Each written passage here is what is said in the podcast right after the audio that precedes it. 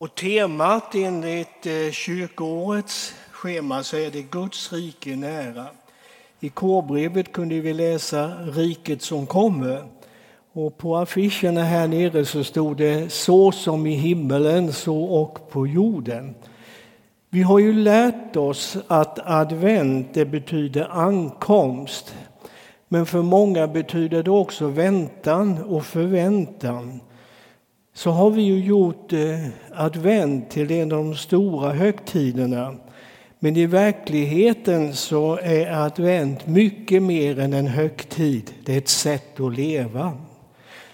De här fyra adventssöndagarna har olika framtoning och de betonar olika sidor av Kristi ankomst. Första advent berättar om någonting som har hänt hur Jesus i slutet av sitt liv kom till Jerusalem dagarna före påsk och red in i staden på en åsna. Vi berättar där också om folkets hyllning, om lovsången men också om de religiösa ledarnas motstånd och deras kritik och deras missriktade nitälskan för Guds sak. Första advent berättar hur han som är Kristus, Messias, uppfyllde det profetiska ordet och hur många i folket trodde på detta profetiska ord och tolkade det som, en, som hände som en uppfyllelse. Men intåget till Jerusalem är mer en uppfyllelse av gamla profetior. Det var början till slutet på Jesu uppdrag. Han hade ett dubbelt uppdrag. Det ena var att förkunna Guds rike och visa hur det var verksamt. Och sist och slutligen att verkställa försoningen, bli vår frälsare. Ja, första advent talar om någonting som har hänt, men andra advent aktualiserar något som kommer att hända. Jesu återkomst. Det handlar om riket som kommer. Hur han som är Människosonen kommer i sitt rike och hur förhållandena på jorden kommer att vara när han kommer. Första advent talar om något som har hänt och det ger andliga tillämpningar. Men andra advent talar om något som ska hända och det skisserar i grova drag de omständigheter, de levnadsvillkor som gäller för människor på jorden vid den tiden. Och när man tänker på upptakten till första advent så präglas det av fest och glädje. Och likadant med de bibeltexter man läser. Upptagnen, upptakten till andra advent skrämmer ibland. Det finns bibeltexter i det sammanhanget som talar om tecken i naturen, i atmosfären, om himlakropparna och allting som ska hända. Och det är inte alltid en rolig läsning. Och den som inte tror att detta kommer att hända bara för att det står i Bibeln så kan man ju fråga andra, aktivisterna, forskarna och man kan läsa tidningen och då ser man att det här är någonting som är på gång. Vi lyssnade i bibelordet tidigare till Herrens bön och eh, hur Jesus lärde sina lärjungar att be. Han gav dem en bön som gäller för alla kristna i alla tider. Och det handlar om, det kallar vi för Fader vår-bönen eller Herrens bön. Och jag ska läsa den från ett annat ställe i Bibeln. En gång när Jesus var på en plats och bad, när han hade slutat sade en av hans lärjungar till honom, Herre lär oss att be, liksom Johannes lärde sina lärjungar. Då sa han till dem, när ni ber ska ni säga, Far, låt ditt namn bli helgat, låt ditt rike komma. Ge oss var dag vårt dagliga bröd och förlåt oss våra synder, för också vi förlåter var och en som är i skuld till oss. Och för oss inte in i frestelse. Eh,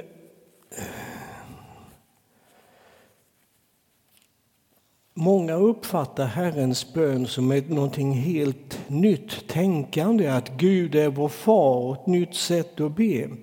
Men det som händer när han eh, undervisar om detta, det är att han lyfter fram det som fanns och som finns i judisk tradition, i judisk liturgi och som samlar allt i en bön, kort och koncentrerad och som innefattar allt som är väsentligt i gudsrelationen. Gud är vår far. Det är inget nytt tänkande egentligen som kom i Jesus, utan det fanns många Fader vår-böner på Jesu tid. Hans namn är heligt eftersom han själv är helig. Och då är bönen att vi ska leva så att människor uppfattar hans namn som heligt och inte vanära det.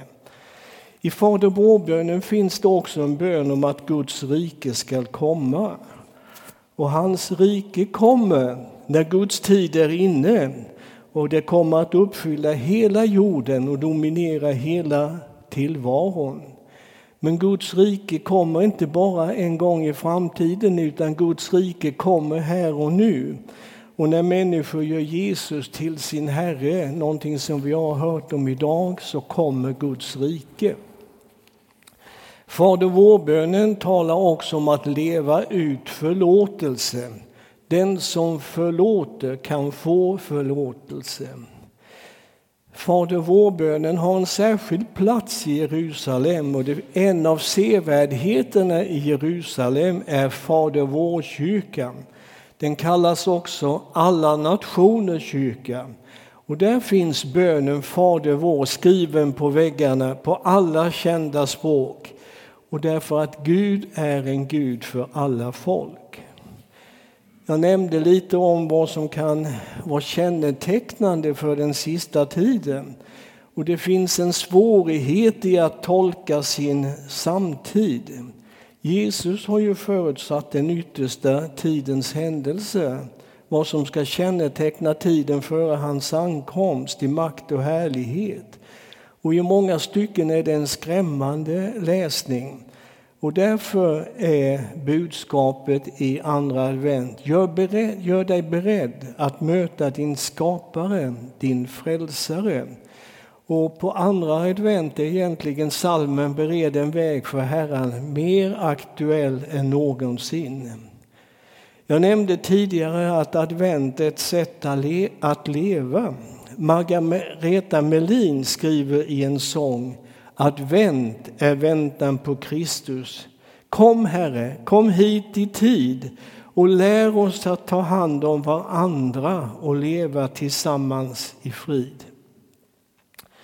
Adventstiden är också en uppmaning till vaksamhet men glädje och frimodighet. Vaksamhet därför att när han kommer finns det ingen betänketid.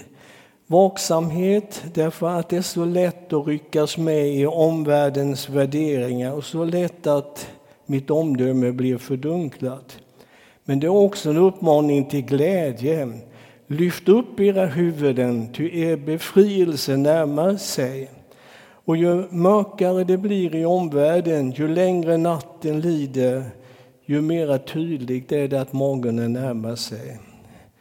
Det är också en uppmaning till frimodighet, därför att Guds rike kommer verkligen. Det är detta som är den stora skillnaden mellan Bibelns förutsägelser och forskarnas. De har inget uttalat hopp. De kan förutsäga vad som kommer att hända. Att om ozonlagret förstörs ytterligare eller om uppvärmningen fortgår så kommer vi att förstöra så mycket. Och förstör vi vårt vatten så förstör vi för, själva förutsättningarna för liv. Och de säger att om ni gör si, om ni gör så, så händer det och det. Det enda hopp de egentligen kan ge, det är att om vi alla hjälps åt så kanske vi lyckas.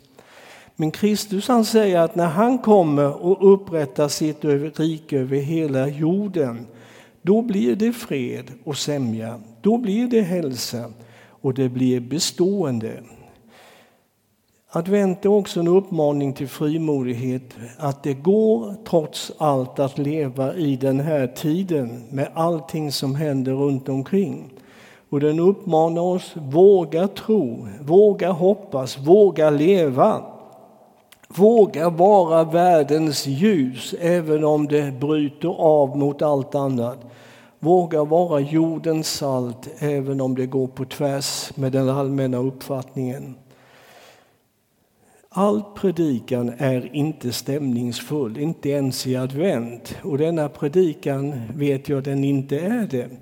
Men den syftar till att visa att det går att tolka sin samtid även om det är svårt.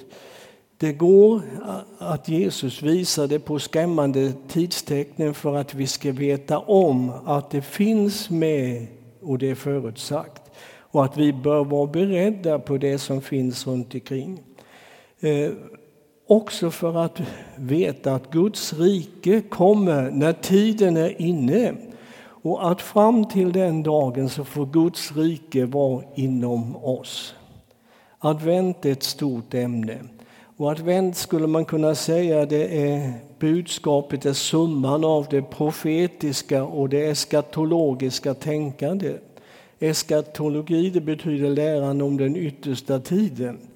Men allt detta finns med i adventstänkande. Så advent är egentligen summan av allt som den bibeltrogne kristne hoppas och tror på. Hans rike kommer när hans tid är inne.